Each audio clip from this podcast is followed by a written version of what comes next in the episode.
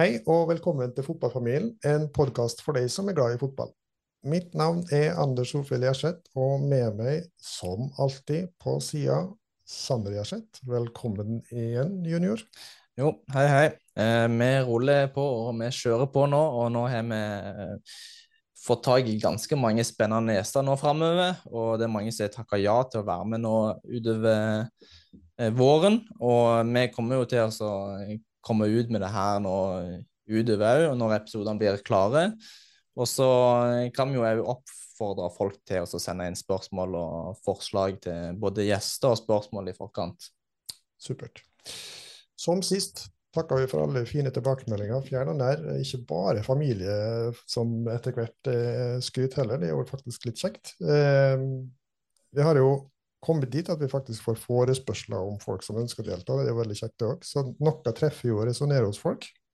Så det er jo kjekt at lytterbasen øker, så fortsett å dele og tipse til kjentfolk. Vi var jo veldig glad for å se at Viking fotball faktisk retweeta dagens gjest, som dere sikkert kommer til å skjønne når vi introduserer han.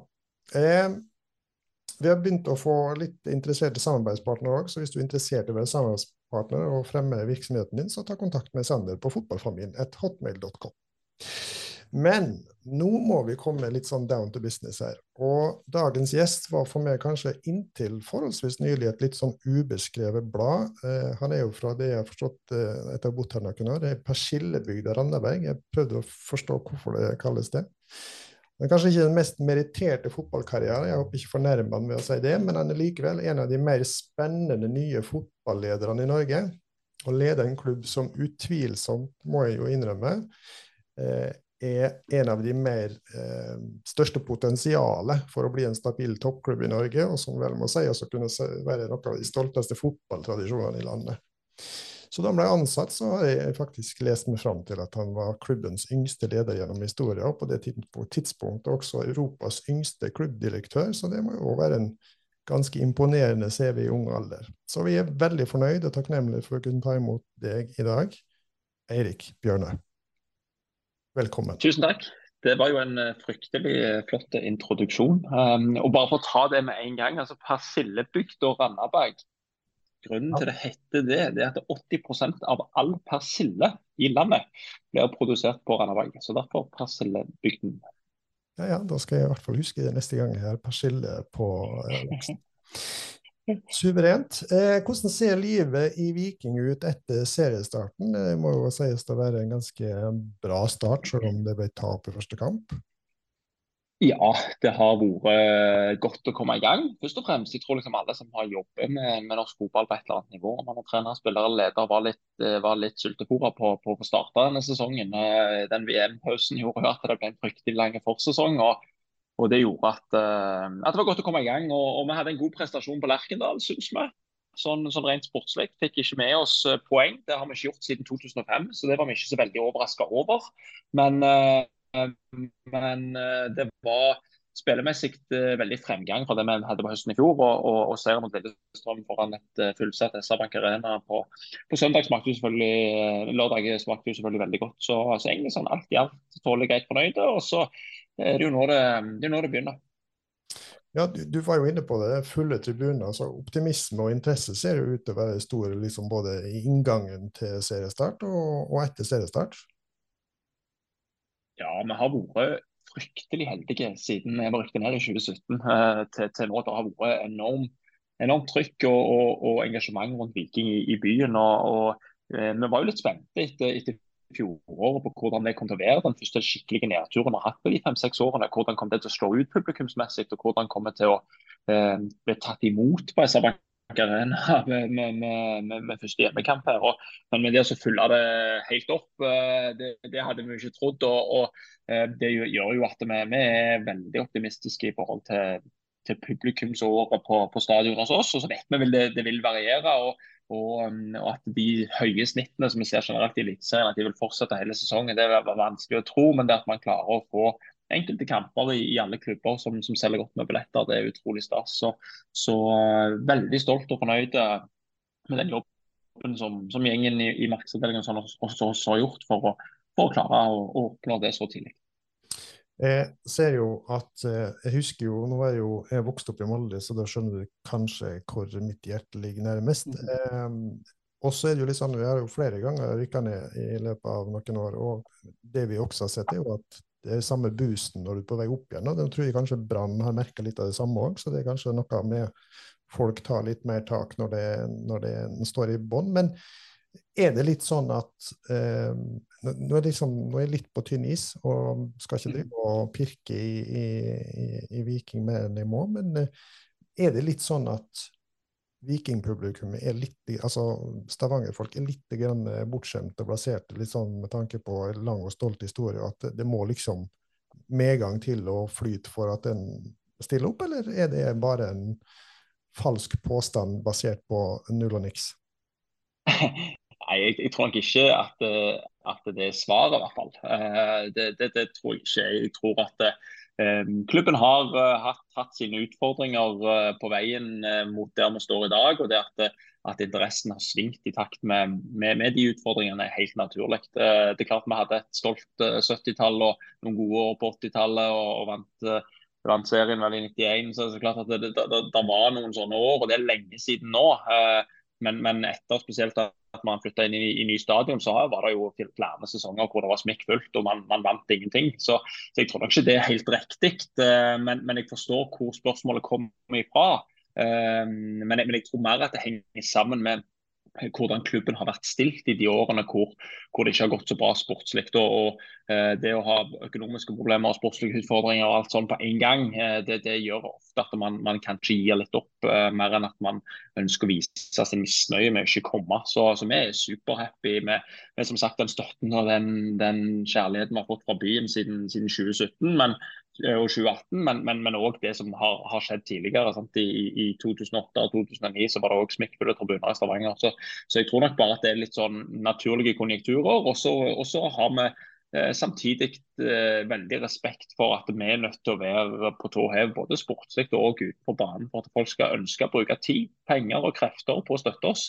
Eh, og Det er det det handler litt om. Vi, vi, er nødt til å, å finne de tingene som, som, gjør at Viking blir mindre avhengig av sportslige resultater. Og, og Der har man gjerne tenkt annerledes før. og, og, og når da du man får en smell sportslig, så, så, så, blir det litt sånn utfordrende å hente det inn igjen. Og, og så er det sånn at man, man, uh, man, har alltid ambisjoner i Stavanger, og publikum i Stavanger har alltid ambisjoner om at vi skal vinne serien. og Det er vi nødt til å ha uh, på et eller annet vis, uh, og, og være oppi der. og da, og da blir gjerne skuffelsene større enn enn en at publikum ikke ønsker å komme. For Vår opplevelse er at de bare er helt fantastiske fra start til mål. Og, og alle som har jobbet i Viking på veien, har gjort absolutt alt de kan for at Viking skal ha så mye tilskuere som mulig. Så, så, jeg tror nok mer det er litt sånn tilfeldigheter og, og litt sånn um, man har, man har havna litt, litt skjevt ut, som, som, som, gjør at det uh, tidvis har vært litt mindre folk enn det man ønsker. Det er et par grunner til at jeg spør. Fordi Den ene grunnen handler jo litt om at nå har jo eh, Molde ofte blitt kritisert for å ha veldig glisne tribuner. Eh, og så eh, er jo det faktisk et faktum da, i, i, i mange sammenhenger at det har vært det. Eh, på samme tid så tenker jeg at det er jo en, knapt nok en fjerdedel av Stavanger sin befolkning. Og jeg tenker regionen Stavanger, Sandnes og omegn er jo enormt mye større enn hva den ferge havnelandsbyen som på en måte Molde omegn representerer. Så Det er litt derfor jeg tenker at det blir veldig mye fokus på den type ting. Det at når publikum uteblir, så, så, så, blir det mye kritikk på hvorfor og hvordan og hva klubben gjør og tilrettelegger for at de skal komme. Så jeg er liksom nysgjerrig, fordi at i Stavanger så har du også Oilers. Og mm. jeg har jo vært så heldig å få lov å se Oilers av og til. Eh, og de har jo jevnt over hatt et veldig stabilt og godt tak på publikum. Så jeg, jeg tenker litt sånn Har dere mye samarbeid med Oilers, og, og misunner dere Oilers litt? Er det forskjeller på Oilers? Handler det bare om at det er mindre De har jo ofte flere kamper, men det er jo mindre arena òg. Men hva tenker du om forholdet til Oilers? Og Forholdet til Stavanger Oilers er, er, er, veldig godt. Uh, det er litt sånn, uh, vi, vi, har jo to ansatte i markedsavdelingen vår som jobbet i markedsavdelingen til Oilers tidligere. Børge Mann Nilsen som var salgssjef hos oss i 15 år. og Så var han på et studieopphold i, uh, som sier, i, i Oilers og var å bygge opp uh, bedriftsmarkedsbiten i, i, Oilers til nye høyder uh, før han kom tilbake igjen i, i 2018 når vi rykket opp igjen. Så, så, forholdet til Oilers er veldig bra. Um, og Vi opplever at, at, på generelt grunnlag at Stavanger er opptatt av at begge skal lykkes. Næringslivet stiller opp for begge klubber. vi, vi, har et sponsorbudsjett på, på, godt over 50 millioner, 54-55 millioner, og Oilers har nesten det samme. Så, sånn at det at næringslivet, publikum og alle støtter opp om begge, begge lag og klubber kamper. Det tenker vi, vi, er, veldig takknemlige for, og er en styrke for byen på et vis. Sant? Jeg tror ikke at vi på en måte skal begynne å konkurrere, jeg tror heller vi skal samarbeide. og Så må vi finne de naturlige ulikhetene og de naturlige likhetene som gjør at vi kan få et godt eller dårlig samarbeid på veien. Men, men, akkurat nå så er det veldig bra. og, og en av mine beste kompiser er faktisk kommersiell leder i Stavanger Oilers nå. sånn at akkurat på den, eh, på den biten der så, så, så flyter, det, flyter, det, ganske greit. Samtidig så er det alltid en fight om, om sponsorkroner og den ting, men, men de også har gjort de har tatt inn den, den kalde amerikanisert kamparrangementet sitt litt mm. til nye høyder. Uh, og Det er det de gjorde for noen år siden arenaen var nye. de skapte opplevelser utenfor hockeyen som gjør at folk kommer tilbake igjen, igjen, igjen. igjen. Um, og der har nok jeg tror ikke at fotballen skal, skal amerikanisere seg på den måten, men, men jeg tror det at vi, klubbene må finne liksom, sin identitet og sin greie som, som gjør, igjen gjør oss mer uavhengige av de sportslige resultatene. Eh, eh, og Der har Oilers vært gode, og der tror jeg fotballen kan lære mye. og Så skal vi ikke gå den veien med, med alt det showet og den falske pyroen og alt det der greiene der. Jeg, jeg tror vi skal holde oss for gode til det, men, men eh, det er noe med det der å skape fotball til noe mer. Uh, og Det ser vi jo, det som er litt interessant, og det vi, vi ser på en måte på de aktive supportergrupperingene rundt i Norge nå, som bare vokser. Så tenker De syngende supporterne på oss, det Felt O eller Kanarifansen eller um, klanen og sånt, de vokser og vokser vokser fordi at de klarer å skape et miljø og en tilhørighet til noe som handler om mer enn Viking. Ja, det er Viking som er grobunnen for det. Ja, det er fotballkampene i Stavanger som, som gjør at de samles annenhver søndag i, i, i, sentrum. Men det er kompisene og miljøet som gjør at de kommer igjen og igjen. Eh, og der, der, har man på en måte lykkes i fotballen, og så har nok hockeyen en del å gå på der. Så Det er liksom, det er liksom ulikheter og ulike dynamikker, men, men, på en måte essensen er det samme. Man må klare å skape fotballen til noe større enn bare seire. Um, for bare seire, det blir man faktisk lei av det òg. Uh, og, og, det er nok gjerne, gjerne det at når man har spilt mot Arsenal eller Real Madrid eller uh, alt dette som Rosenborg spilte for en gang i tiden, så, så, blir um, gjerne nedturen og skuffelsene større. og Så går det over, og så er det en ny syklus, så kommer man i gang igjen. Så, så uh, jeg, jeg, tror, um, jeg, tror, nok at både hockeyen og, og fotballen må bare uh, lande litt på, på, hva man skal være og hvilke ting det skal, skal identifiseres med. Og, og Der har Oilers vært fryktelig gode, for de har gått all in på den biten som, som traff et eller annet i Stavanger, og, og, og fortsetter å, selge ut arenaen. Ehm, samtidig som, som, fotballklubber rundt i Norge klarer å øke tilskuertallene sine, spesielt på den syngende seksjonen. For det gir, eh, gir, eh, noe mer enn bare fotball. Så, så eh, det er ikke et langt svar på et veldig sånn kort og konkret spørsmål, men, men, men, det, er, men det, er, ehm, det, er, dette det handler om. Liksom. Det er det som er essensen i det vi driver med. Altså. Ja, og Det var derfor jeg ønsket at du skulle si noe om det. fordi at det, Når jeg starter med Molde og ender med Oilers, så er det litt de samme mekanismene. at den, Det handler jo mye om kultur og det handler mye om identitet. Og, og jeg tenker noe er naturlige svingninger, men, men, samtidig så handler det om at uh, fotballen nå må hele veien fornye seg og, og uh, by på mer enn bare det gamle produktet, fordi at folk blir jo mer og mer kresne. Ja, og så litt av grunnen til at uh, jeg hadde veldig lyst til å ha med deg på en episode i, i vår podkast, og det er jo det at eh, spesielt at du, du er jo en veldig ung eh, leder, da. Eh, du framstår jo som veldig åpen og eh, som en inkluderende leder, og eh, det er jo ganske, du er en spennende ledertype, og du har jo bl.a. Eh, blitt med på å skape et eh, rekordoverskudd hos Viking, og så har du jo det er jo folk som eh, bor eh, her i, i, Rogaland, så er det jo lokalfolk òg, så det er jo òg noe som er ganske kjekt. Og så er det jo for, for meg sjøl som ønsker å gå litt av kanskje den samme retningen som du er, og nå som spesielt du som er unge, så blir det jo naturlig for meg at jeg ser litt opp til deg på mange måter, da. Så du fikk jo sjansen til å bli i en ganske ung eh, alder bli leder i, i Viking, en av regionenes eh, flaggskip, hvis vi kan si det.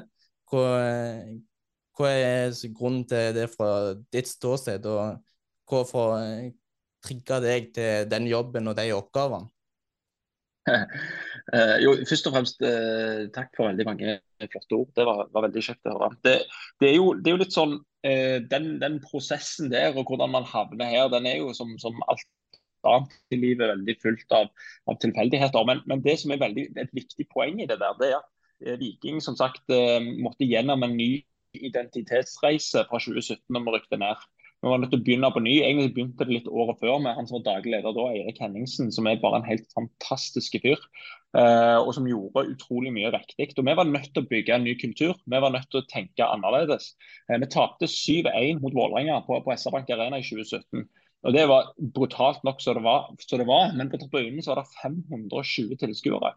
Og Det viser liksom hvor ekstrem den situasjonen på det tidspunktet var, og hvor sterkt byen laget og klubben og alle skreik etter at vi er nødt til å gjøre en kulturell endring i Viking for at vi skal klare å komme oss ut av dette. Og Det var Eirik sammen med Kjartan Salvesen, og jeg var der, og, og um, en hel haug med andre i administrasjonen som, som, var med og på en måte begynte litt på ny. Begynte å tenke ok, hvordan kan vi nå skape Viking til noe litt nytt igjen. Blåse litt liv i det. Hvordan kan vi tenke annerledes? Vi er nødt til å få en ny start her. Uh, og Det starta med lokale spillere. Det, det fortsatte med Bjarne Berntsen. Og, og eh, for Vi fikk noen lokale spillere i, i, i, på, på, høsten i, 2017. Så ansatte vi Bjarne eh, etter, etter, året der. Han fortsatte med å hente hjem halve Rosenborg og alt mulig for å, for å, få en identitet som folk kunne assosiere seg med. Som du er inne på, det er stas at det er noen lokale folk. Ehm, så Det var liksom starten av den, den, den byggejobben der. Og, og, Eirik sammen med spesielt Kjartan gjorde en helt strålende jobb med å forsterke dette med at vi skal være åpne, vi skal inkludere, vi skal være annerledes, vi skal se alle. Og Vi begynte å jobbe etter en sykt enkel setning som heter 'mest mulig for flest mulig'. Eh, og Det jobbet vi med alt vi gjorde. Istedenfor å svare folk på mail, så ringte vi til dem. Vi, vi, gjorde alt det der vi kunne for at Viking skulle fremstå som vi brydde oss ikke bare fremstå, men vi skulle faktisk bry oss eh, ekstremt mye om de som bryr, oss, bryr seg om oss. Eh, om det er sponsorer eller samarbeidspartnere eller media eller om det er publikum, så var liksom det starten på det. Og det, Den jobben som ble gjort der, den er helt elleville. Eh, og Vi henta Børge som, som, sagt fra Oilers tilbake igjen, og han fikk inn en hel haug med nye sponsorer. og uh, Det var en, en, gjeng i administrasjonen der som bygde opp noe nytt. Og når den byggejobben var litt ferdig etter vi vant cupen i 2019, så var det ikke fordi at de sportslige resultatene var nå ferdig, sånn, vi alltid har ambisjoner om noe mer. Men, men den de kulturelle reisen som vi var nødt til å være på, den var nådd et punkt hvor OK, nå, nå skal Eirik slutte. Uh, han var trøtt og lei av å bygge det. Og, og, For å da bevare uh, den biten, så tror jeg at styret og klubben var veldig tydelige på at vi er nødt til å ha noen som har vært med på dette. Om det ble meg eller Kjartan eller Børge, det tror jeg var mer litt sånn OK, hvem av den gjengen som er igjen her, passer til akkurat de oppgavene det, som, som, kreves for, for, å være daglig leder i en fotballklubb. Og, og Da landa det på meg, uh, uavhengig av alder og erfaring og bakgrunn. og den biten. For Det, viktigste for oss det var å bevare det som var igjen. Det teamet som var igjen. Det fokuset på, på, på reisen til Viking og, og, de verdiene vi sammen hadde bygd opp med kraft og kjærlighet og, og den biten der. sant? Og der, derfor fikk jeg sjansen. Uh, og Det var jo galskap, og er galskap, og, og man lærer veldig mye på veien. Men, men for oss så er det eh, fremdeles sånn at eh, etter Lars Peder Nagel kom inn i, i, markedsavdelingen og Frida har kommet inn, så, så er vi et team der nede. Sant? Jeg er ikke verdensmester i noen ting. Eh, og Heldigvis eh, så har Kjartan vært i Viking i tolv år og Børge vært der 20 år. og, og Nagel jobbet i hockeyen i, i åtte. Heldigvis er det så mye erfaring på det kommersielle som gjør at vi kan ta det ut.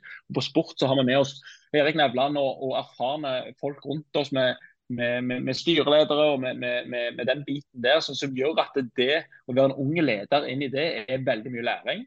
Og så har dere gjerne et, et, mindset som går på det at det, det, er det teamet som er der som er det viktigste. Um, og, og, gjennom de og gjennom oss så klarer vi å skape noen resultater. sant? Uh, uh, både økonomisk, som du er inne på, uh, fordi vi har Norges beste økonomisjef. og, um, interessemessig de siste, siden, siden uh, eh, 2018 så har vi vel solgt ut stadion ni ganger. Sant? og Det er jo fordi markedsavdelingen vår er helt rå.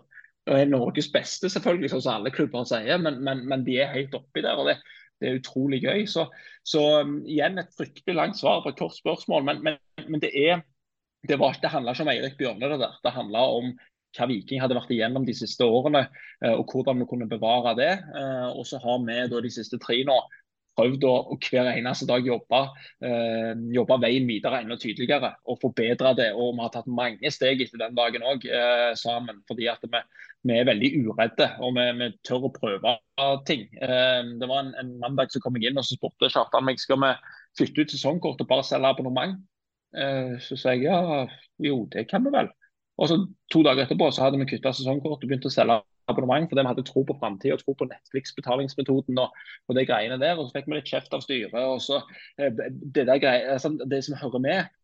Men, men den, den, det mindsetet må være litt uredde og tørre å prøve uten at man tar unødvendig risiko. Det, det, det, gjør nok at det, at det er vi som er igjen klarer på et eller annet vis å, å, å engasjere rundt oss. Uh, så, så, alder og erfaring og det der, det, jeg litt sånn, uh, litt sånn ferdige med fordi at vi, vi, har så mye erfaring i oss alle.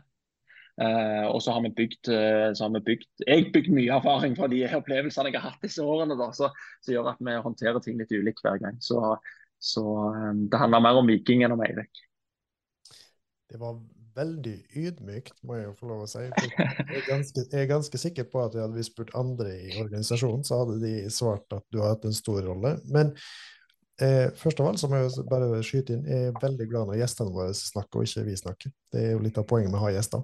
Så bare fortsett å svare utfyllende, det glider vi oss over. Men eh, vi skal vri, fordi du ga meg egentlig en lissepasning til å snakke litt mer om det som er hovedagendaen vår for å ta inn folk her. og det Når du hører ordet relasjoner, hva tenker du da? Jeg tenker det er avgjørende. Det er det første jeg tenker. Altså, Om det er relasjoner mellom, mellom mennesker i, i, hverdagen eller på en arbeidsplass eller en fotballklubb, så, så, er det jo det alt i livet dreier seg om. Så det er jo helt avgjørende. Hva, hva slags assosiasjoner får du til ordet relasjoner? Hva tenker du på, bortsett fra at det er avgjørende å ha relasjoner? Nei, ja, det nå er det gode dype Nå er det familieterapeuten som snakker. Jeg, Så, eh, og så kjøper jeg meg litt tid med, å dra sånne halvdårlige vitser. Sånn at vi, jeg kan trøste, trøste med at hvis du hadde spurt meg det samme, så måtte jeg ha tenkt meg om. Ja. Eh, nå har jeg glemt spørsmålet. Hva var spørsmålet? Eh, litt sånn, Hva tenker du når du hører ordet relasjoner? Fordi at Relasjoners betydning er én ting, men, men hva assosiasjon får du? Nei, jeg får jo det, det møtet mellom mennesker, eh, tenker jeg veldig mye på. Eh, hvordan vi, vi, eh, vi, møter hverandre, hvordan vi bryr oss om hverandre og hvordan vi lever sammen. Om det er i arbeidslivet eller som sagt i hverdagen, så, så er de der båndene vi, vi, klarer å knytte med mennesker, det, det, er jo det for mange veldig mye dreier seg om. Så, så jeg er litt sånn Relasjoner er man helt avhengig av. og man, er nødt til å investere tid i å bygge gode relasjoner. og for oss som driver med toppidrett, så, så er det Ehm, det som skaper rom for å stille krav. Og det å bygge på en måte tillit og, og, sånn i bånd, som gjør at relasjonen går fra en relasjon til en god relasjon, det, er avgjørende. og jeg er sikker på um, Mange har ulike definasjoner på en relasjon, men for meg så er det det der møtet mellom mennesker, res den respekten mellom mennesker, og ikke minst hvordan vi alle på en måte er avhengige av, av hverandre. Mm. Ja, fordi Grunnen til at, du sendte med pasningen, var rett og slett at eh, når du snakker om hvordan Viking som klubb sant, eh, gjenreiser seg, så, så hører jo mye relasjonelt arbeid i det òg. Og hvilken rolle tenker du relasjoner spiller i fotball? Du er jo litt inne på det, men, men jeg tenker jo i alle ledd, fra toppledelse til spillergruppa. altså knytta til både prestasjoner og garderobekulturen. og det der med tilbakemeldingskultur som tidligere gjester har vært opptatt av, at det er en stor takhøyde, men det krever jo også noe å få det. Ja, det, altså, altså um, For en fotballklubb da, så, så, jo, så, har man jo relasjoner i, i, i alle, på, på, på, alle akser. Men man har den relasjonen man har ut mot publikum, mot omverdenen, mot media, mot den typen ting. Sant? Det skal pleies, det skal uh, tas på alvor. Uh, og vi, vi, har hatt en sånn inngang om at uh, vi er nødt til å la folk bli kjent med oss. Vi er nødt til å tilgjengeliggjøre oss så mye som mulig. Eh, og Det har vi gjort de siste årene. Vi stiller opp på det vi kan av ting, alle. Uansett hvem som blir spurt om noe Viking, så sier vi ja som regel, så lenge det ikke dreper familielivet og, og de relasjonene. Men, men det å la folk bli, bli, kjent med klubben, bli kjent med menneskene i klubben, det tror vi at, at det skaper en litt større tålmodighet og litt større takhøyde. For vi vet jo alle at hvis du er fryktelig glad i noen, eller kjenner noen, så skal det mye til at du er veldig langsint. Du kan bli fryktelig sint, eh, fryktelig skuffa og fryktelig lei deg, men, men det at det drar ut over lang tid når man har en god relasjon, det, det, det skal mye til. Og Derfor har vi prioritert den biten som går utover eh, veldig mye, og, og fortsetter å prioritere hver, hver eneste dag.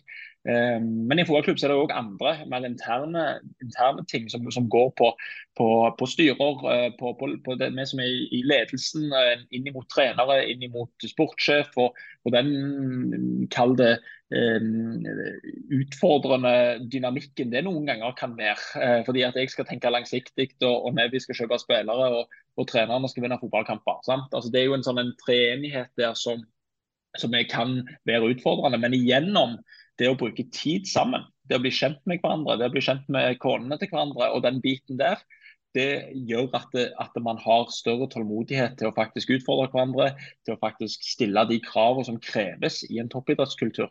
Um, så, det, så, Der prøver vi å være uh, nøye, bruke tid sammen, være med på turer, uh, være med på bortekamper, være med på treningsleirer. fordi det, det, det, er så viktig for oss at, at det samspillet uh, tåler en støyt.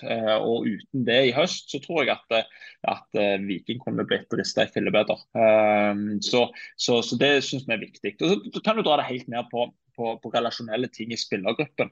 Det er 25 ulike personligheter der, i ulike aldre, i ulike faser av livet. Noen har vunnet noe, noen har aldri vunnet på trening. Sant? Det er utrolig sånn spenn i det. Ehm, men, men, gjennom det å bli kjent, gjennom det å skape felles plattformer på, på et eller annet nivå, det, det, det er viktig. Og, og, det betyr mye for, for det å utvikle ei prestasjonsgruppe. Så, så, det, så det er, fotballen er, er, fullt av det. Uh, det er en lagsport fra, fra ende til annen. og, og um, jeg, jeg, jeg, tror nok at den moderne den moderne fotballtreneren og den moderne lederen er opptatt av disse tingene. Og så er det ikke alltid det riktig. og Det er ikke alle situasjoner hvor en sånn veldig sånn åpen, inkluderende lederstil er riktig. Sant? Noen ganger så må man bryte opp i ting og sette hardt mot hardt og være, ha den biten. og Så kan det funke veldig lenge for veldig mange. og Så, så er det en annen inngang, men, men man ser jo at at flere og flere eh, i hvert fall tendenserer til, til å velge en sånn en sånn en vei, fordi at man, man på lang sikt tror at eh, de relasjonelle ferdighetene er vel så viktige som de, som de faktisk fysiske eller,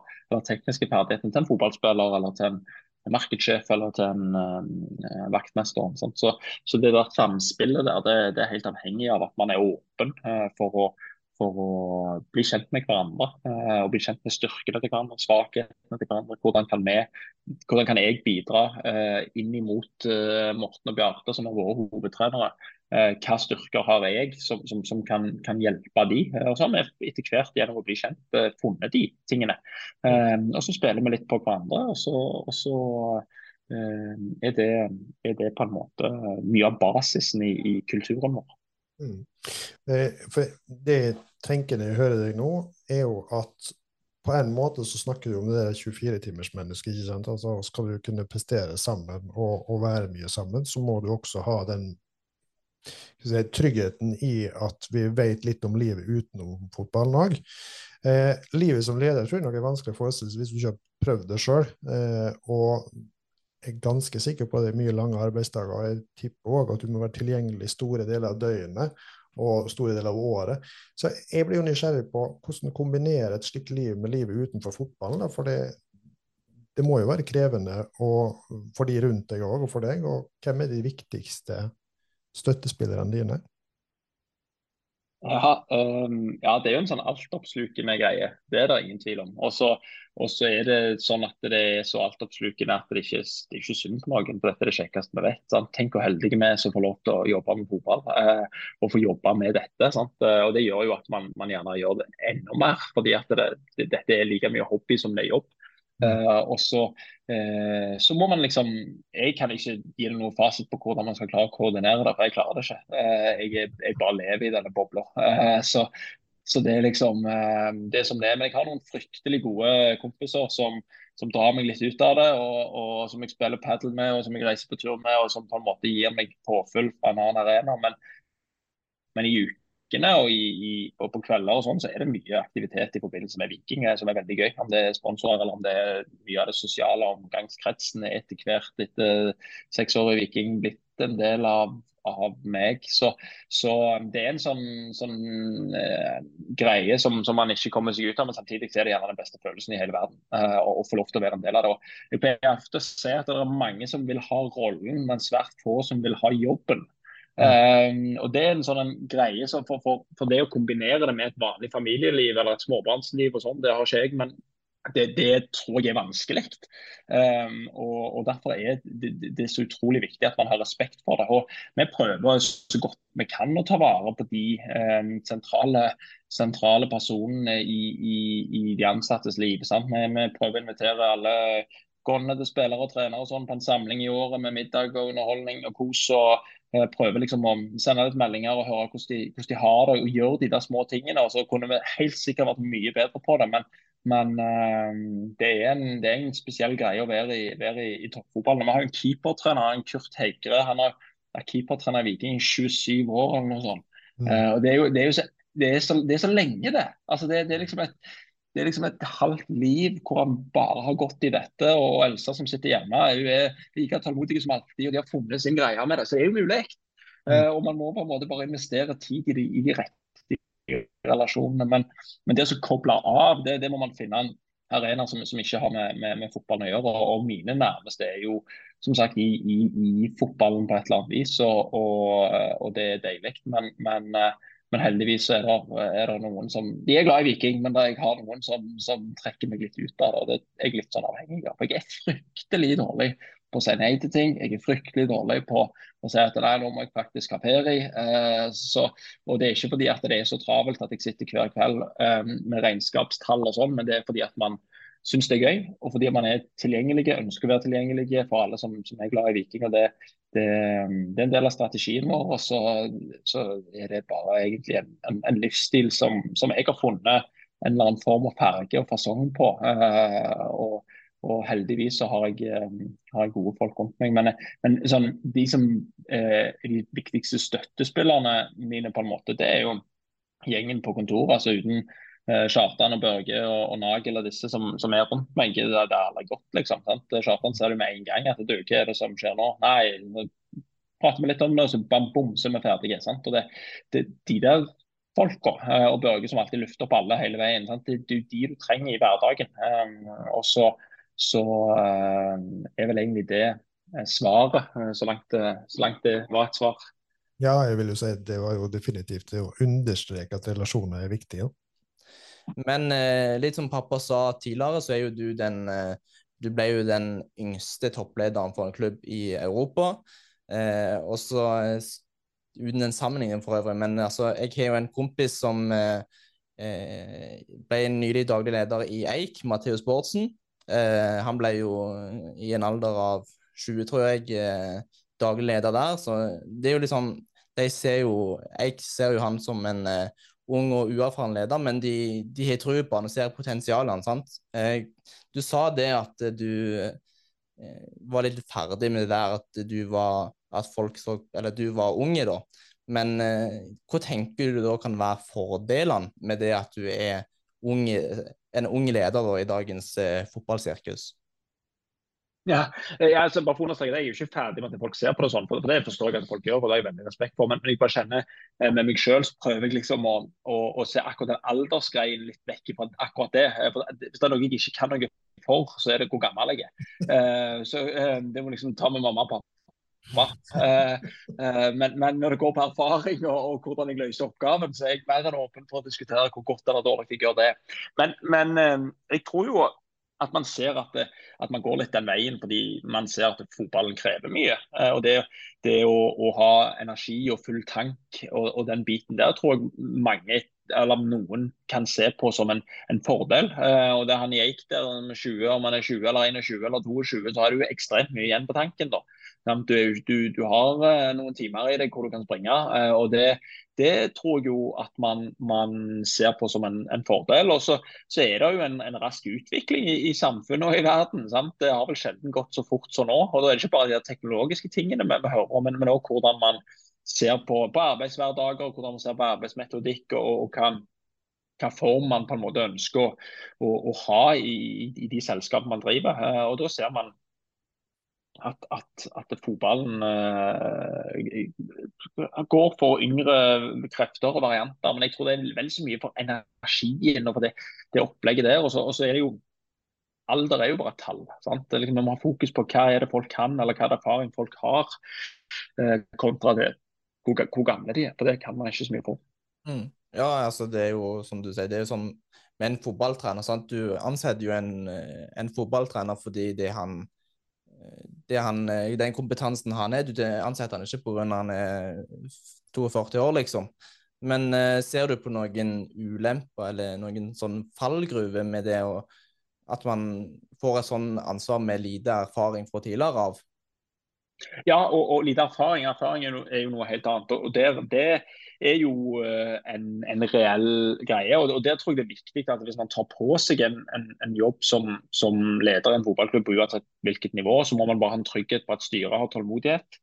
Eh, at de rundt deg er gode, og at om det er styreleder eller andre som, som, har vært igjennom noen smeller, at de er tett på og er rundt dersom du skulle, skulle trenge det. Um, det er det viktigste. Og, og, Det opplevde jeg veldig. Når jeg fikk sjansen her, så, så fikk jeg tydelig beskjed om at du, du kommer til å gjøre mye feil, og du kommer til å bomme, og du kommer til å få kjeft, og du kommer til å smelle, og du kommer ikke til å sove tidvis. Altså, de tingene ble jeg bare gjort oppmerksom på, men vi skal være der. Um, og så skal vi prøve på veien her og, så, og, og lande. og um, Den erfaringsbiten er jo det du som ung kanskje undervurderer mest. sant? For Du vil jo ikke høre det, og du er så uerfaren. Sant? Det er den første liksom sånn, du vil gå litt til angrep mot. da. Um, men istedenfor å gå til angrep, så tror jeg det der embrace it heller. Sant? Spør om hjelp, spør om råd, spør om, om, at, om, om folk vil være med på reisen og forme det istedenfor. Det tror jeg er en sånn inngang som kanskje funker, funker bedre. Men, men, jeg skulle jo ønske at jeg visste eh, en del ting for tre år siden da jeg begynte, kontra altså, det, altså, som jeg vet nå. Altså, det, det, er litt sånn eh, Jeg tror det er mange situasjoner på veien her vi hadde løst på en helt annen måte neste gang. Eh, det skal jeg love deg. Eh, og, og, Det handler jo om erfaring, og, det kan man ikke få gjennom, å, gjennom en annen måte enn å prøve. Eh, så, så, det, så det ja. Det er vel nesten akkurat som en fotballspiller, en ung fotballspiller, som du sier nå. Det er jo nesten akkurat de samme tingene. Ja, det er det samme. Altså Hvis man kaster, kaster noen ut på dypt vann, så må man ha tålmodighet. Og hvis man vet med seg selv at man ikke kommer til å ha tålmodighet, så må man jo ikke gjøre det. Uh, og, og, det er sånn, Vi maser på trenerne hele veien med at starten med Edvin Austbø, hva dere holder på med, hvorfor gjør vi det ikke? sant? Uh, og, og det, det, er litt det samme her òg. For de sier ja, men sant? det er risiko, det er liksom det, det greiene der. Det har jeg veldig respekt og forståelse for. og, og sånn. Men men uh, det eneste måten man kan få erfaring, det er å få lov til å prøve feil. Ja, og det er jo litt sånn den gamle tesen. ikke sant? Du må, altså Livet kan, uh, må leves forlengs, men det må forstås baklengs. Uh, og Det gjelder jo alle bransjer i alle livsaspekter. Men nå ga du meg jo egentlig en veldig sånn fin, uh, fine argumenter, for jeg har jo en annen ved siden av meg som ikke alltid er lite, like åpen for innspill når vi planlegger pod heller. Så det skal jeg nå huske å ta med meg. det som jeg ble litt opptatt av, at i en sånn rolle, da, når du med eh, skal vi drite i det med tall, men hvis vi heller tenker på det med erfaring og det å bli satsa på, så, så, slår det meg litt sånn tilbake til det du sier i sted, at når du har et team rundt deg, du har et styre som har tro på deg, du har eh, mennesker som du eh, både åpner deg for, og, og, som åpner seg for det sant, i forhold til å bli et fellesskap, så er vi jo tilbake til å si da, at relasjoner danner grunnlaget for det aller meste av suksessfaktorene, skal vi si det sånn? Ja, uten tvil. Det er bare den tilliten og den, den biten man har mellom, mellom, oss som det handler om. For Med en gang den forsvinner, så fungerer det jo ikke. Så, så det er en helt riktig observasjon. Og så må du bare høre etter. Sander. for det, det er liksom eh, han har jo levd noen år, han der. Så det, det, er, bare, det er bare å åpne deg opp for det. Uh, og det, det, er en sånn, er en sånn Jeg, jeg på meg sjøl òg. Men dette har du ikke gjort før. Nei, men får det vel til for det? Og så smeller det rett i trynet på deg. Og, og Det er jo liksom det som er i en sånn jobb som dette. da. Jeg, jeg har jo alltid tenkt sånn OK, jeg skal prøve det der ledergreien en gang. Det har jeg alltid tenkt. sant? Mm. Uh, men her har jeg jo havnet at hver gang jeg gjør en feil, så står det på framsida av Aftenblad. Sant? Og hver gang jeg sier noe feil, så blir jeg slakta. Og, og, liksom, jeg husker i fjor, eller på et eller annet tidspunkt fikk vi fikk grevelig trøkk fordi vi hadde vært så dårlige. Uh, og så sa jeg noe sånn som jeg, jeg, tenkte meg ikke om, men jeg sa ett ord feil. At dette var jo en naturlig justering eller et eller annet sånt. Jeg husker ikke ordrett hva det var. Og det hagla inn med meldinger om hvordan jeg kunne si at dette var naturlig. Dette var jo vi som hadde skapt og greier, og greier. Så det er bare ett ord. En liten sånn uoppmerksom greie som jeg egentlig ikke mener, som gjør at det blir et skikkelig storm. da. Så, mm. så, eh, man er jo veldig sånn eksponert akkurat i denne rollen. da. Så, så, eh, så, de der du får Men da lærer du raskere òg. For at du vil jo ikke gå på de smellene eh, så veldig ofte. Og nå har det jo vært noen for oss selvfølgelig, som heldigvis de siste, siste to-tre årene, som, som, gjør at man har lært sykt mye på veien. da. Mm. Og skal jo sies det at det, Nå tok jeg et litt billig poeng på han her, men det er jo det som er kjekt når du faktisk er to generasjoner som samarbeider om et prosjekt. Så ser jeg jo det at jeg har nok noe å komme med på enkelte sider, men så ser jeg jo jeg lærer jo faktisk litt av guttungen på veldig mange punkter hvis jeg bare er åpen for det. Så det er mm. jo litt gøy. Jeg vil jo si det at vi, selv om jeg er litt kritisk til det du kommer med, så er vi som regel alltid som kommer med en god løsning ja, til slutt, uansett. Vi gjør det. Vi har en god relasjon i bånn. Ja, men eh, jeg syns det er ganske inspirerende å sitte og høre på alt det du sier her nå, og da jeg sjøl spesielt eh, ønsker å jobbe innen fotball, da, og er det noe som eh, råd du vil gi meg eller, og andre for så vidt eh, for å få et fotfeste i, i fotballen? Oi, ja, um, Det er det mange som spør om. Uh, veldig mange. For det er veldig mange som har lyst til å jobbe i fotballen. Og det er veldig få jobber sammenlignet med, med så mange som, som, har lyst til å gjøre det. Uh, hiver vi ut en gutter 13-stilling, så får vi en 450-500 søkere fra hele verden. Så, så, det er jo et enormt trykk og det er en enorm sånn prestisje å få det. Men um, jeg tror uh, for din del, gjør som du gjør. Si ja til ting, vær med på ting.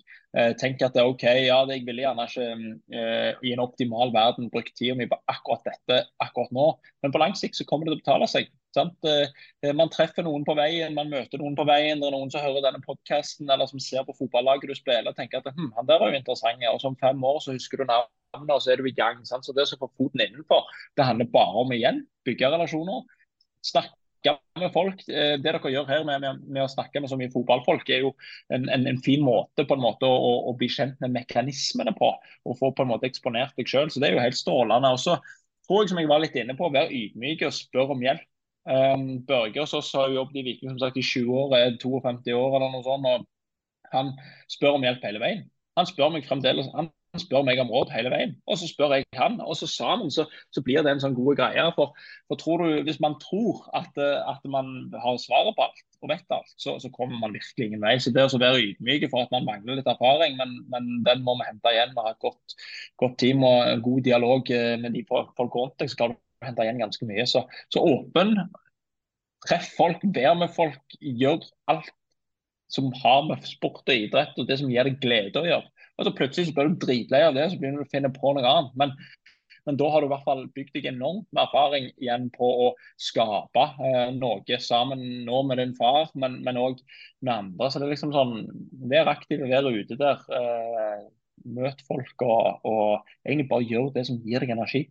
Hele livet handler om én ting. Det er bare gjør ting som gir deg energi. Ting som er gøy, og, og, som skaper noe sammen med noen. Um, det er i hvert fall min, mitt innspill. Og, um, det, er liksom, det å være en, en, god person, et godt menneske og se folk, det er det eneste man kan. Mm, altså, og så faller ting sammen. Altså, Da er det sånn, mye sånn som er litt sånn knytta opp med, tenker jeg i hvert fall, med det du sier nå, at du må møte folk og, og kanskje gjøre litt mye drittarbeid og, og sånn. Men sant? Og da tenker jeg det at mye handler om at du må eh, komme på ord, at du må du kanskje frykter så mye, liksom, at du må være litt uh, uh, ja, Hva er ordet? Du må gutse. Ja, altså, du må iallfall tørre å prøve og tørre å feile, og du må gå litt ut av komfortsonen iallfall. sant? Jeg hadde Jeg liker jo sjøl å tro det at jeg er relativt flink på det med å bare tørre å knytte meg til nye personer og høre på det de sier. Jeg hadde eh, For to dager siden så sendte jeg en melding til, jeg treneren spurte, på, spurte om jeg kunne komme inn på kontoret hans og, og snakke litt med han. Så sa det der og snakket to timer med han, og det er jo veldig verdifull eh, faglig påfyll for meg i framtida, f.eks. Så det, det, er jo noe jeg liker å tro er en viktig egenskap å ta med seg, iallfall. Helt klart. Eh, Ørjan Nygaard, eh, som jobber som eh, en av trenerne i Glimt, han er jo en gammel barndomskompis av meg. Eh, og han var jo med i, i episode nummer tre.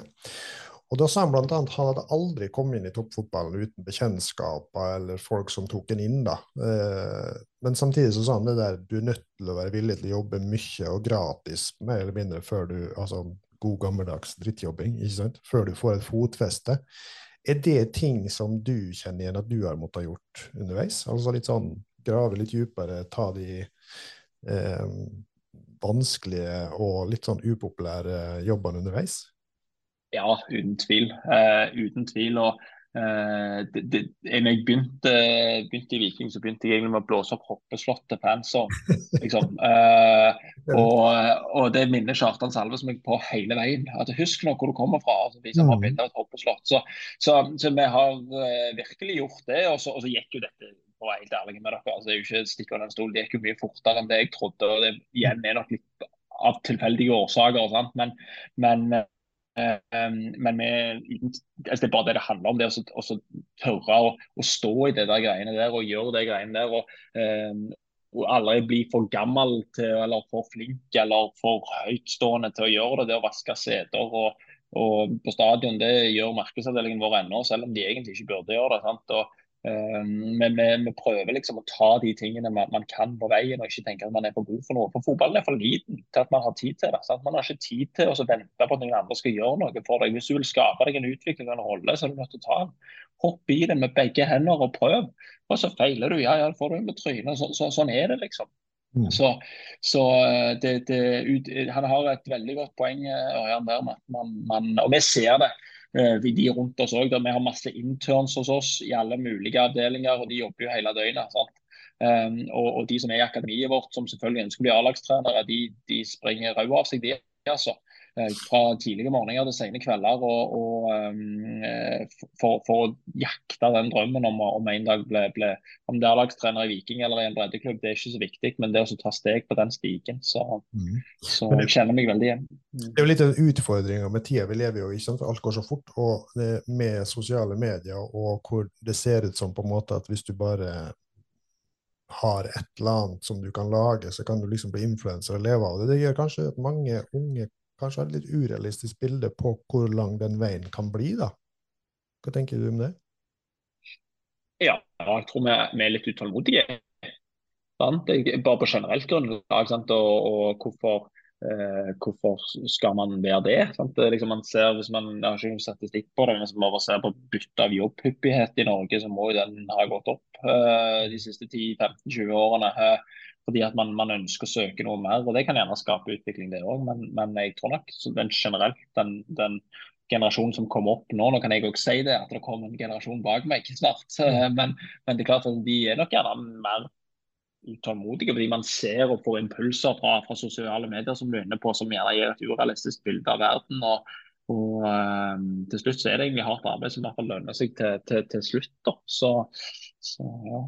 Så mm, siden du er inne på tålmodigheten, så var det en fin uh, inngang til noe jeg har lurt på. fordi det er jo ikke tvil om at fotballen er en ekstremt usikker og svingende bransje òg. Uh, du lever jo ene og alene av resultater og, og, engasjement. Og både trenere og spillere, til og med kanskje ledere som deg sjøl, er avhengig av tillit fra noen som er over for å gjøre den jobben, og du vet at uteblir resultatene for lenge, og ikke, du skaper det engasjementet og, og, og identiteten som, som, publikum forventer, så, så blir liksom sparken eh, neste.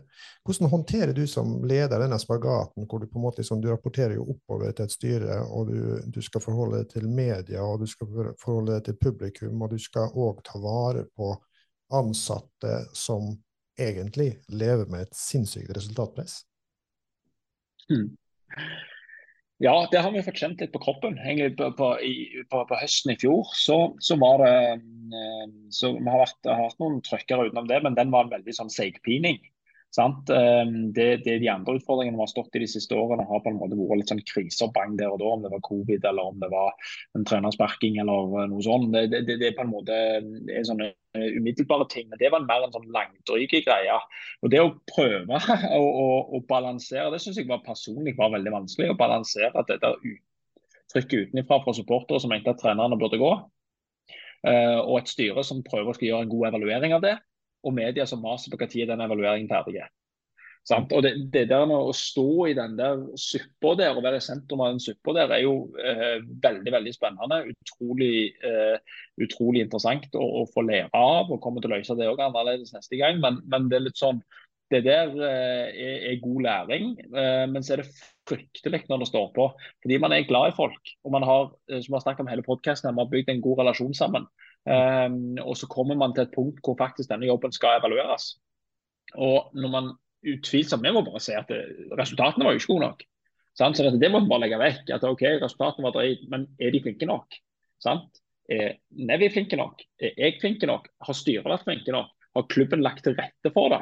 Sant? Og det, det å på en måte åpne de dørene litt, uh, og ikke bare bli for snever på ok, vant vi på søndag eller vant vi ikke på søndag. Jeg er ikke naiv, så jeg skjønner at det til slutt så er det det det handler om. Men, men på veien her så må vi ikke bli så trigger-happy at hver gang vi taper noen kamper over en lang periode og får den smellen vi får, så må vi tørre å stå litt for det vi har bestemt oss for. Mm. Uh, og Vår konklusjon i fjor høst var at ok, vet du hva, vi skal gi alle disse tillit. Vi skal tenke at vet du hva, vi som klubb vi var ikke flinke nok til å legge midler på bordet til å erstatte Veton Berisha når vi solgte han. Trenerne var ikke gode nok til å håndtere de kortene de fikk delt ut. Og klubben som helhet feila kanskje på å støtte opp om alle de i de sentrale posisjonene. Så Totalt sett så var det ikke bare 4-3-3 og innoverpress og 3-5-2 eh, som vi bytta til, som på en måte var årsaken til kollapsen. Det var noe mye større enn det. Og det å på en måte være en del av de evalueringene. Og det presset og det stresset, det er nesten umenneskelig til tider. Eh, men, men, det er jo utrolig spennende, utrolig viktig å gjøre. Og så lærer man utrolig mye på veien. Så, så um, det er gjerne det mest sånn menneskelige utfordrende. Når du, når du vet at OK, nå har vi brukt mye tid sammen for å skape oss en relasjon som kan, kreve at, at, som kan gjøre, legge til rette for at det er høy takhøyde. Samtidig så skal vi nå sette oss ned noen andre og vurdere om det er godt nok. Uh, og det, det, har, det, vil man nok aldri bli vant med. Og, og det er jo en sånn, akkurat den, den biten der av fotballen syns jeg er litt dårlig belyst. Det burde det vært lagt flere dokumentarer om og flere podcaster om for å begynne å grave i hjernen til folk som står oppi det presset der. Det er nødt til å være superinteressant for mange å få, få ta mer del i. Det vi skal prøve å være bidragsytere til, i hvert fall. Men du sier jo litt det med, med tillit, at dere ga tillit til, til deg, selv om det var litt tungt. Og dette kan jo, tenker jeg iallfall Siden nå syns jeg at uh, iallfall de to første seriekampene at uh, Viking har sett uh, veldig bra ut. Og jeg syns det er kjekt å se på Viking spille fotball igjen. og og da tenker jeg jo dette kan jo kanskje være en sammenheng på, på hvorfor det nå ser ganske bra ut. Det er jo at dere har gitt det tillit.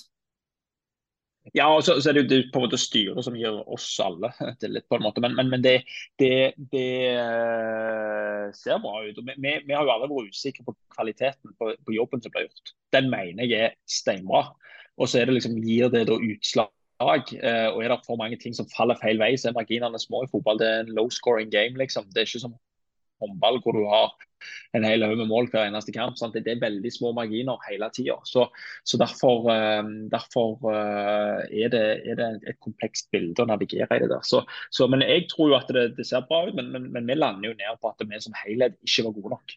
Uh, og Da kan vi ikke bare la én eller to stykker stå i stikken for det og så tenke at det skal fikse seg. Det var sånn det rykte ned. Det var ikke treneren som feil at vi rykte ned i 2017. Det var fordi klubben gradvis hadde kjørt seg ned i søla.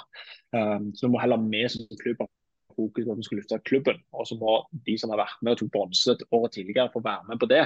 Og så blir det jo selvfølgelig, som alle skjønner uh, som er glad i fotball, at det, er jo en syretest nå i, nå i vår. Jeg ønsker å komme litt tilbake med det med publikum. så Jeg husker det at uh, når, jeg, når, Viking hadde rykka opp, jeg husker ikke helt årstall, så var jeg på Viking Brann. Om det kan stemme, så husker jeg at jeg kjente her er det noe på gang.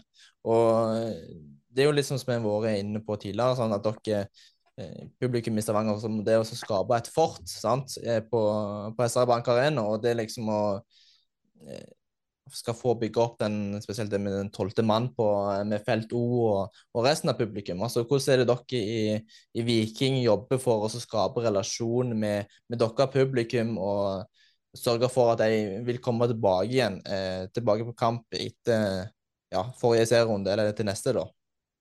Mm. Jeg, tror, eh, jeg, tror, at det der er nødt til å bygges innenfra. Vi, vi kan ikke si til Felt O nå må dere bli flere så at vi er nødt til å spørre heller hvordan kan vi legge til rette for at dere skal bli flere. Jo, nei, dere kan gjøre sånn og sånn. og sånn. Sånn lite møtene har vi hatt nå i fem-seks år. Uh, og nå er det akkurat nå er det Børge som, som, gjør en fantastisk jobb sammen med den grupperingen. Og så er vi bare enige om at disse tingene er vi enige om.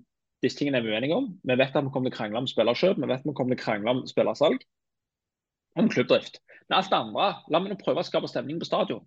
Sant? Og så skal jeg ta telefonen hver gang jeg ringer om de tre andre tingene òg. Det, det, er ikke et problem. Jeg skal forklare så mye jeg kan. Og Nevi skal forklare så mye han kan. Men la meg være enige om at det, det som, som, kan styrke Viking, det er å være flest mulig på kamp. Hvordan kan vi legge til rette for det? Vi kan ikke tvinge folk til å komme på kamp. Men når det kommer innenfra, sånn som spesielt Felt O hos oss har gjort de siste åra, hvor de bygger en tilhørighet, et samhold, noe som er større på en måte enn seg sjøl, det, det, det, er kultur. og Det er det, det handler om. vi kan være eh, sirkusdirektører med til et visst punkt så må det komme innenfra. Sant? Det er denne FOMO-følelsen. og Vi så det oppe i Molde òg. Vi selger jo ut uh, tilnærmet mot Rosenborg der. og det, det, er jo ikke fordi at uh, Molde har gjort noe genialt som ingen i Norge har tenkt på før. Det er jo fordi ballen starter å rulle. Og den starter å rulle innenfra.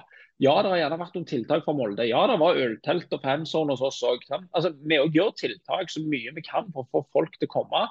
Få de til å trives når de er der. Men det handler jo om hvordan vi over tid klarer å skape en sånn en følelse i Stavanger om at alle skal på kamp. I mm. Molde.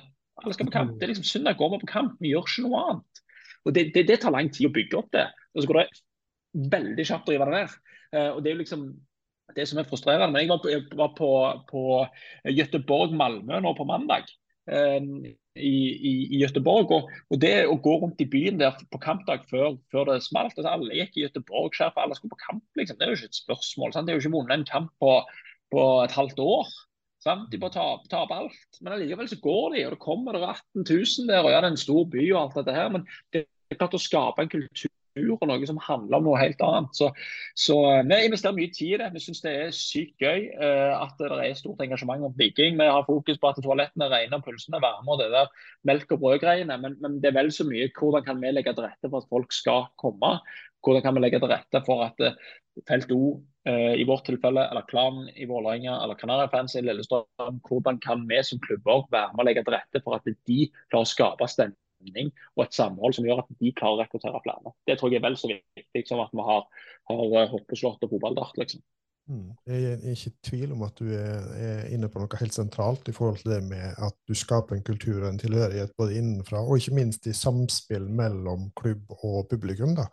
Og, og, du sier jo noe om at den har åpna seg litt med publikum, og det er vel det som jeg kan huske da jeg var, var, yngre. Så opplevde vi nok Molde som en veldig lukka klubb, mens de, de siste 20-25 årene har blitt en mye åpnere klubb med nærhet til publikum, og du kan komme på kafeen. Det er jo litt av grunnen til at Sander har blitt fotballsupporter. Han var hjemme på ferie der og, og spiste, spiste, lunsj sammen med Ole Gunnar Solskjær og, og Erling Braut.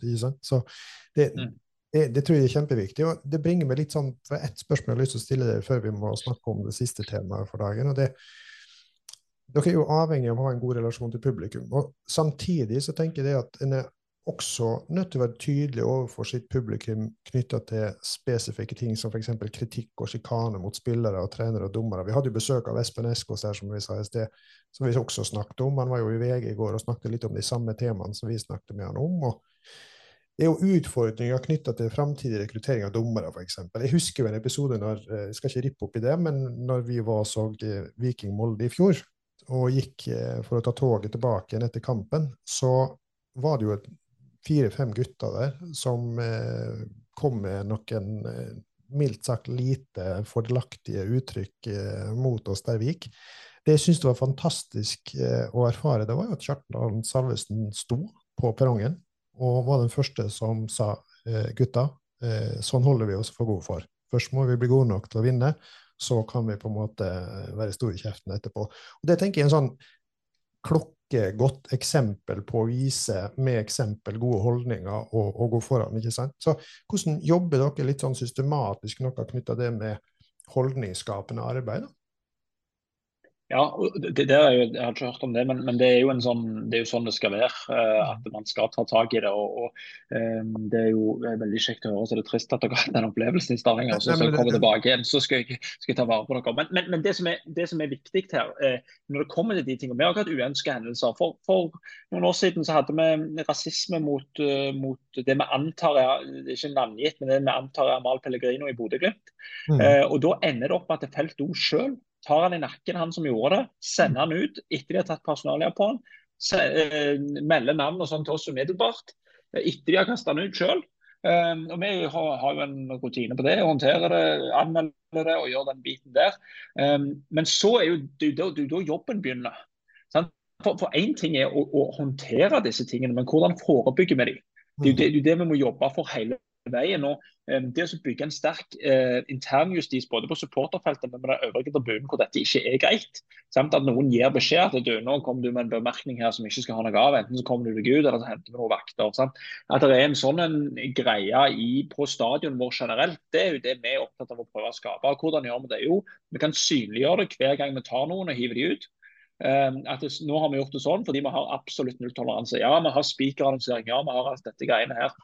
Men det samme som at vi trenger å spille på lag med supporterne når vi skal bygge ting opp, så trenger vi òg å spille på lag med dem når det skjer sånne ting. Vi klarer ikke å være overalt. Um, og Vi har interne programmer på en måte som går på holdningsskapende arbeid internt i klubben vår, men kunne vært bedre ut mot supporterne våre. Eh, proaktivt, ikke fordi det er en utfordring, for jeg opplever ikke at det er en utfordring i Stavanger. Ja, men det oppstår hendelser på alle eliteseriearenaer. Hvordan kan vi sammen på en måte ta, ta, ta, ta tak i det? Og, og det syns jeg at Eliteserien på generelt grunnlag har vært gode de siste årene. De gangene det har vært sånne uønska hendelser, så har det blitt blåst opp i riksmedia. Klubber, det er dårlig reklame for Viking. Det er skikkelig dårlig reklame for Viking. Men det er viktig reklame for norsk fotball at vi tar tak i det. At det er nulltoleranse for det. Det hever terskelen for at det skjer igjen, og senker terskelen for, for, å gi beskjed når det skjer igjen. For at man ser at det blir tatt, tatt vare på. Så, så er det en sterk internjustis som, som er det vi jobber for. Og, eh, vi, vi, vi, har, vi, har, utfordringer vi òg, sånn som alle andre, med at det, vokser frem ting som vi ikke ønsker. og Da må vi stå knallhardt ned på det vi skal slå ned på. Knallhardt. Fullstendig nulltoleranse. Og så må vi heller være rundere og mer samarbeidsvillige på de tingene som, som er litt mer flytende og som kan, kan være med å bidra. Som f.eks. Pyro, eh, hvor vi alle klubber har funnet en sånn middelvei som ikke er lov. og um, Jeg har aldri hørt om det, og alt dette greiene her, men allikevel så er det en greie vi må samarbeide om. Hvis vi skal slå og slå og slå på alt gale som skjer på en stadion, så gidder ikke folk å komme til slutt. Mm. Um, men, men de, de, tingene som går på på selvfølgelig rasisme sjikane og diskriminering og trakassering. Altså, det er nulltoleranse overalt. og det, Der syns jeg generelt norsk fotball har vært gode de siste årene eh, på å ta det når det skjer. Og så kan vi gjerne sammen bli flinkere på å forebygge. Mm. Jeg må jo understreke bare siden de tok det opp. Eh, jeg var mest opptatt av å løfte fram at Kjartan var et eh, godt forbilde. Ja. Mer enn at jeg følte meg veldig forulempa som sådan. Og jeg tenker, Det som jeg er veldig opptatt av, er at fotballen eh, har en utrolig unik posisjon blant folk. Og det her er jo ikke på en måte et unikt problem for fotballen som sådan, det er jo et samfunnsproblem. Sånn at det vi snakket med Espen om, er jo på en måte litt sånn hvordan kan eh, både klubber og spillere, trenere og alle ledd i fotballen på en måte være med og være bidragsytere til at en, en er tydelig på holdningsskapende arbeid i alle ledd. Eh, og det var derfor jeg synes det var veldig fint å høre det du sier, at det, det må på en måte både jobbes med nulltoleranse, men, men også på en måte med, med holdningsskapende arbeid. Ja, og så tror jeg vi, vi, må, ha, vi må være rause nok til å tenke at folk kan gjøre feil. Mm. Og så gir de muligheten på en måte til å endre seg. Sant? I dette spesielle tilfellet her, så, så har en person fått tilbud om å være med på et program fra MOT, og gjennomfører han det, så, så er han hjertelig velkommen tilbake på stadion igjen. Mm. Så, så, Det å på en måte ha begge de der, hvis vi bare skal slå med pisk hele veien, så det er ikke sånn vi ønsker samfunnet heller. på et vis, sant? Eh, man kan gjøre feil, og man kan rette opp i det. og, og jeg synes jo jeg har ikke hørt den episoden mest, men det skal, jeg, det skal jeg få gjort. Men, men han er jo en, et strålende eksempel på hvordan man skal håndtere de fleste situasjoner. Så kan man mene noe om hvor do, gode eller dårlige dommer han er. sant? Eh, og jeg synes han er en strålende dommer, men, men, det vil det alltid være uenigheter om. Men, men, de grunnverdiene som han representerer inn i, i diskusjonen, som jeg, som jeg, leste på VG, men òg har erfaring fra å mange ganger, er jo at det er jo akkurat sånn vi vil det skal være. At det skal være takhøyde for de faglige diskusjonene, men den rene hetsen og sjikanen er bare meningsløse for alle parter. Mm. Så, så det tror jeg er viktig. Sander sa det jo i episoden til han at uten, uten, dommer, ingen fotball. Og Det er jo det som er så viktig. og ikke sant, at Det gjelder jo ikke bare dommerne heller, det gjelder veldig mange aspekter. at Hvis ikke vi klarer på en måte å finne den der balansen, så blir det etter hvert noe som råtner litt innenfra. Så det, det, det er kjempegøy å høre. Ja, eh, altså når vi først har deg her, så har vi lyst til å snakke litt om, eh, om fotballøkonomi. da. Og eh, norsk fotball det er jo på fin, positiv utvikling, og med tidenes eh, TV-avtale og gode publikumstall eh, som er i medvind. Og så da lurer jeg litt sånn på hvordan er det dere i Viking eh, forvalter disse pengene, og hvordan er balansen mellom det med kortsiktig og langsiktig forvaltning og satsing? Det er et stort spørsmål, Sander. Og det er et vanskelig spørsmål å svare på. Men men eh, vi, vi, har nok, vi, har nok, en holdning om at vi ikke skal bruke penger vi ikke har. Eh, og Det har vært liksom grunnpilaren siden nesten konkursen i, i 16-17. At eh, vi må stoppe å gamble for mye ta et steg tilbake og heller tenke at uh, vi, vi, vi, får bygge dette fra bunnen av. Nå har vi klart å gjøre det de siste årene. så De tre siste så har vi, faktisk klart å gå, gå, ganske bra i pluss, uten at det er et, et mål i seg selv. Vi ønsker å lage et så godt fotballag som mulig. Så ønsker vi å ha en klubb som klarer å overleve de dårlige årene. Men nå er vi gjerne kommet på et, på et punkt hvor vi overlever et dårlig år. Um, og For oss er et dårlig år når det mislykkes sportsvekt om vi ikke selger spillere. Eh, for Vi er helt avhengig av spillersalg. og det kommer til å fortsette å være. Og Skal vi fjerne det, som mange sier, fjerne det fra, fra, fra drifta og, og, og, drifte uten det og, ta det som en oppside, da vil ikke vi kunne tilby det opplegget vi har i akademiet, vi vil ikke kunne tilby det opplegget vi har rundt marked, eller, eller det øvrige vi, vi driver med. Så, så, så, vi har liksom, hvis du bare bryter det ned, så vi bruker ikke penger vi ikke har. Eh, også, eller penger som vi tror det er nært forestående at kommer. Eh, så, I år så gjorde vi et lite unntak med at vi, vi visste at det var stor interesse rundt Daniel Karlsbakk, og at han kom til å gå for 20 pluss. Så da så brukte vi litt før, før, vi, før, vi, visste at det kom, og, og, og gambla litt i, i så henseende, og så gikk det bra. Men, men det, det, er, er, det er, et vanskelig og stort tema å være, å være konkrete på hvordan vi forvalter det. Men, men, vi har i hvert fall et bevisst forhold til at vi ikke skal, skal tømme banken for, for å prøve å oppnå kortsiktig suksess. Eh, for det vil ikke lønne seg i, i det lange løpet. Ja, Da er det sånn, eh, sånn, en liten klapp på skuldra til, til, dere på Viking. Så nå ble det vel rapportert i fjor om eh, rekordoverskudd med dere i fjor? Ja, ja de, de, tre siste har gjerne vært det gradvis bedre. Så, så, det har vært veldig bra, faktisk. ja. Eh, men det, det, er jo fordi vi har et lokalt næringsliv som har støttet oss, eh, og som gir oss en enorm base. Eh, som gjør at vi kan forvalte dette som jeg sier, med, med godt over 50 millioner i, i, i kommersielle inntekter, pluss publikum og pluss dette og TV-penger. og, og sånn gjør at spillersalgene i stor grad kan, kan gå til å reinvestere i stallen. Og, og når vi i fjor sommer solgte både Veton og, og, og Sebu og, og solgte um, Joe Bell på vinteren. der, så ble det et veldig veldig godt år et unaturlig bra år til tross for, for sviktende sportslige resultater. Så, så det, vi, vi, prøver nå, men så vet vi det går fort å bruke det opp òg. Så vi må bare være forsiktige. Ja, og Det er jo det som har eh, skjedd tidligere, at, at, at eh, norske klubber har kommet i uføre fordi de har brukt pengene de ikke har. ikke sant? Og, og nå er det jo på en måte tidenes TV-avtale. Det, det, det, er enkelte klubber som da har fått et gjerne forsprang fordi at de har fått e-cupspill jevnlig. En har hørt mye snakk om overgangssum i enkelte klubber og, og snakk om overprising og et litt sånn, eh, at det blir et eh, litt oppblåst marked. Eh, ser du noen faremomenter der dere er nå, altså der norsk fotball er nå, med tanke på denne pengegaloppen? Er er det litt sånn mm. at en blir frista til å ta, ta snarvei, eller er en tro til egen strategi? Jo, det kan ikke svare på alle, men, uh, og kanskje svare for, for oss i fremtiden heller. Men, men, man, de som har vært med en stund, ser jo at det er litt det samme som vi så forrige gang TV 2 kom inn. Man fikk en voldsomt løft i, i, i TV-pengene, og, og, det voldsomme løftet blir ofte tatt ut i dårlige høyrebacker. og det, det, er liksom det som er på en måte faren nummer én da, at man, man, trykker til. Og, og, spillerne vet at klubbene har fått mer penger, så de skal ha mer lønn. Eh, og, og, alt bare blir dyrere. Og, og når det i tillegg er, eh, er to klubber spesielt da, som, som har tilnærmet ubegrensede midler, så, så, gjør jo det at det øvrige markedet blir vanskelig å navigere i, i, for oss andre. Da. Men, men eh, jeg håper jo at, at man bruker, bruker ved. og er fornuftige og tro til det man har bestemt. og Man må bestemme noe før man går inn i disse overgangsvinduene. for de Prisene vi har sett de to-tre siste overgangsvinduene er jo spinnville. Um, og det, det, er jo et, et um, faresignal på mange måter. Samtidig så er jo gjerne de norske spillerne blitt verdt mer, så, så, det henger sammen. Men um, vi opplever at uansett om vi selger spillere for, for mer penger enn vi hadde tenkt, så kjøper vi dyrere spillere òg, som går ca. ut i det samme uansett. Så, så um, jeg kan ikke svare på alle, og det er helt sikkert mange som kommer til å gå på mange smeller. Det kan godt være Viking kommer til å gå på smeller, men vi skal i hvert fall gjøre det vi kan for å prøve å holde igjen samtidig som du skal tilfredsstille omgivelsene og, og deres forventninger til, til sportslige resultater på kort sikt. Så det er en fryktelig utfordrende situasjon. Men veldig gøy. Spagaten som vi snakker om. Men jeg, jeg må jo si at jeg har snakka med deg en stund nå, så må jeg jo si at det, det høres ut som Viking, i hvert fall i, i gode hender.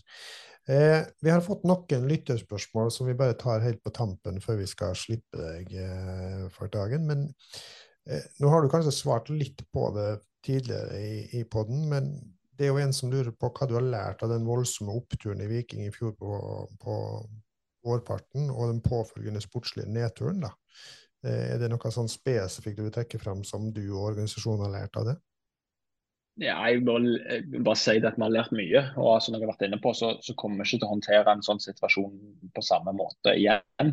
Og Det betyr ikke at vi kommer til å sparke treneren neste gang, men, men, det er ting som vi ser i kulissene at vi kunne ha gjort annerledes. Um, og En av de er nok å, å være, være enda råere i forhold kant eh, i, i, sommer. Eh, og, og, når på en måte krisen var oppstått, så, så kunne vi òg håndtert ting annerledes som klubb eh, enn en å, en å på, jeg vet at supporterne tenker at det var rant ut i sanden. Uh, og, og, det er selvfølgelig enkelt å tenke. Uh, så, så vi, vi, vi, har lært mye. og så vil jeg ikke være så veldig spesifikke på, på hvilke, hvilke, ting vi har lært, men at, vi, men at jeg som leder spesielt, og, og klubben generelt, har tatt med seg mye fra, fra den situasjonen. Mm. Ja, litt sånn For å bygge videre på dette, har du liksom funnet noen litt nye måter å lede og styre på? Og, og oppi det her, altså sånn I den opplevelsen med at det har gått litt eh, dårlig, med, kjenner du at du er liksom stått litt styrka i jobben som daglig leder i, i etterkant etter en liten eh, nedtur, da? Jeg føler at i hver eneste smell eh, vi har fått eh, de siste åra så har vi blitt bedre.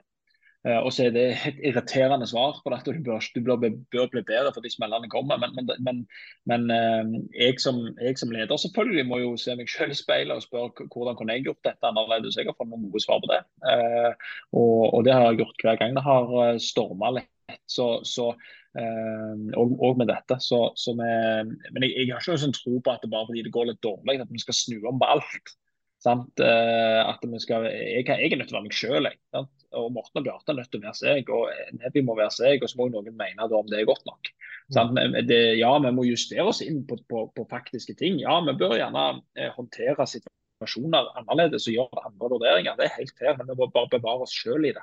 Eh, for det, det, vi har vært med og, og skapt noe sammen, så må vi liksom ikke bare tenke at eh, at det var, det var, waste. Men vi har lært sykt mye, og jeg har lært vanvittig mye. Og, og kommer nok til å personlig håndtere noe lignende hvis vi mot formodning skulle oppleve noe så galskap igjen på en helt annen måte.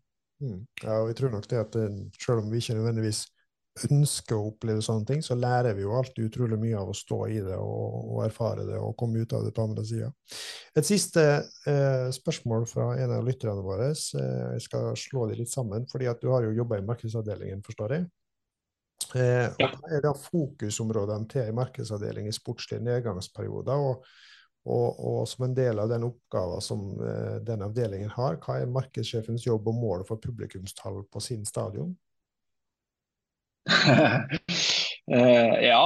Nei, altså det er jo ingen som har det så tøft som en markedsavdeling som blir målt på antall solgte billetter, som når vi taper alle kampene. Uh, og, det, og, det, er utfordrende. Uh, så, så, vi uh, har hatt I fjor så hadde vi i høst så hadde vi fokus hver eneste mandag på at nå må vi være så like som vi var som når vi leda serien. Vi er nødt til å være akkurat like påskrudde, vi er nødt til å være akkurat like smilende. Vi må se spillerne på samme måten. Vi er nødt til å brande spillerne på samme måten. Vi er nødt til å bygge interessen så mye vi kan.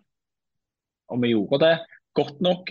Det har vi hatt noen runder på, uh, selvfølgelig. Men, men, det er jo det som er, er, er, er, oppgaven. Det å prøve å skape et engasjement som ikke er avhengig av, av sportslige resultater. Så, så, og det er vanskelig. Det er fryktelig vanskelig, spesielt når det bare koker og det bare sviver nedover sånn seigpiningsgreier. Det, det er fryktelig utfordrende. og Markedssjefen i Viking eh, har et veldig bredt og sammensatt uh, ansvarsområde. Uh, men, men, han er jo ansvarlig for, for så mye folk på, på, kamp som mulig. og Så kan det godt være at jeg ikke leser et eller annet underliggende spørsmål uh, eller poeng der. Men, men, men, alle som jobber i markedet i Viking har, har egentlig bare et mål for så mye folk på stadion som mulig. Ja. Jeg syns det var et godt svar. Vi mm. skal begynne å gå inn litt for landing og oppsummering, eh, Eirik, og et par sånn på tampen. Eh, har du noen tanker om hvordan tabellen ender i år, du? da? Ja, det er mange tanker om. Eh, og så er sikkert alle feil. Eh, men, men, jeg tror, eh, hvis jeg da skal svare og det er litt så tror jeg kort, så tror jeg at det er to lag som, som kommer til, når de kommer i gang, uh, til å seile bra. Nå ser det ut som Bodø bare kommer til å stikke av med dette. Og så er mm, er det sannsynligvis uh, Molde oppi der. Og så er det også Rosenborg og Vålerenga og Brann og, og en, et koppel med klubber som er rett bak der, som kommer til å være med og fighte om, om den tredje- og fjerdeplassen som, som kan gi Europa. og på nedrykks, nedrykkssiden så er det farlig å uttale seg. Men jeg tror i hvert fall at det på toppen der at det blir, blir ca. sånn. Og så håper jeg virkelig at jeg tar feil. Uh, ingenting hadde gleda meg mer. Uh, men, men, jeg tror nok at det, at det blir sånn noenlunde sånn. Du vet, meg og Sander vi er jo veldig glad i to som er ansatt hos deg. Det er jo Slatko og Sander Svendsen, som vi har hatt et langt og nært forhold til helt siden de, de kom opp i, i, Molde. Så vi ønsker jo alt mulig suksess og hell for de, så lenge de ikke spiller mot de blå. Men eh, helt til slutt, eh, hvordan syns du det har vært å være med oss i dag og i denne båten? Nei, jeg, jeg, det er jeg glad du spør eh, om. Fordi disse initiativene, det er dette som skaper norsk fotball. Det er dette engasjementet, dette er ut av det blå konseptene som, som gjør at folk vil ha enda mer. Sant? De vil høre på mer podcaster, de vil se mer TV-programmer. De vil bare suge til seg så mye om norsk fotball som mulig. Så, så, så, dette er bare hull, hull fra alle kanter. og Håper folk stiller opp, håper folk blir med. Uh, veldig kult at man har en inngang som ikke bare går på det fotballfaglige hele veien, uh, men at man på en måte prøver å belyse de andre aspektene. Litt det mentale greiene, litt det relasjonelle greiene. og det, det, det, det, kan aldri bli nok om norsk fotball. Og, det å finne den nisjen som, som det virker som, som, som, dere er i gang med, uh, å gjøre, uh, det, er veldig, um, veldig, spennende. Jeg hørte en, en, av de tidligere episodene her i går. og jeg, jeg, hørte jo at, at der òg var der mye fokus på det å bli kjent med spillere og, og den type ting før man er i gang. så Jeg tror nok at mange av oss ser veldig likt på viktigheten av, av, av det som jeg, jeg opplever er essensen i denne podkasten. Det, det tror jeg man skal bevare. Men uh, tusen takk for at dere vil og ønsker å lage uh, innhold om norsk fotball. Det, det er vi alle kjente med. Det var da utrolig kjekke tilbakemeldinger å få. Eh, har du noen råd eh, til oss sånn på veien videre, litt sånn i forhold til hva vi skal jakte på i forhold til det du har hørt av oss i dag? G grav i hodet til folk. Altså det jeg, det jeg, har lyst til å høre på, på podcaster, det er liksom sånn som jeg sier Tenk oss å lage en, en, episode om, om trenersparking. Sant? Altså det der, Jeg skjønner at man må ha noen gjester, og at det må være fokuset. Men det der, finn det der som ingen graver i. Og det er dere litt på gang med. Sant? For dere, spør, dere har en spørsmålsstillingen som på en måte drar deg litt inn i, inn i det mentale aspektet av det. Sant? Fotballhodet med, med Amankwa er jo òg steinbra. Eh, men, men liksom gå inn i, inn i, menneskene bak rollene. Det er kult. Eh, å bli kjent med menneskene. Eh, fordi eh, alle kan se de der, eh, de der TV-intervjuene med alle mulige folk i fotballen. Men, men, liksom bli kjent med folk, det, det tror jeg alle liker. Eh, altså ikke sikkert alle liker alle, men, men innholdet blir som regel bra. Da skal jeg bare spille ballen til Sander, så skal han få avslutte seansen, tror jeg. Ja, jeg tenker iallfall det først og fremst er på sin plass. Og så takke Erik for at han tok seg tid til å, å bli med, og for eh, ikke minst gode ord. Mm. Så det må vi rette en stor takk til. Og så er det sånn som du sier sjøl, vi er jo bankende Molde-hjerte, så vi kan liksom ikke helt håpe på til Viking. Men, og det er jo litt sånn, Jeg har jo mange kompiser, så det er alltid litt tøft når det går litt trått med Molde. og Det går veldig bra med Viking. Men eh, jeg jeg liker jo Jeg syns det er kjempekjekt å gå på vikingkamper, og jeg, eh, jeg, vil jo at Viking skal være i toppen, så jeg syns det er jo kjempekjekt å gå på kamper, som jeg sier. og Jeg håper det at eh, dere klarer å bevare videre der dere er kommet nå etter dere rykker opp, med å stabilisere Viking som en, eh, en toppklubb, da. Så det håper jeg at eh, fortsetter seg. Ja, Vi skal prøve på det. og det er som, som Jeg har godt forhold til Ole Erik Stavrum eh, etter noen år eh, som kollega. og eh, Jeg blir alltid å sende melding til ham på, på, starten av sesongen og bare egentlig skrive at jeg håper de tar alle kampene, men at han har det greit på veien. og Det er litt sånn det skal være i fotball. Det skal være sånn vennlig rivaleri. Det er det som skaper det. Så jeg håper jeg at han, at, at han får det bra i ny, ny bransje og ny jobb. Det gjør det nok. Tusen takk skal du ha, Erik. Ja, vi får vel eh, ta oss og avslutte med sånn at dere kort dere kan eh, sende inn både forslag til gjest og, og spørsmål, og så gjerne følge dere på de diverse sosiale medier. Absolutt. Da sier vi takk for i dag, og så ses vi.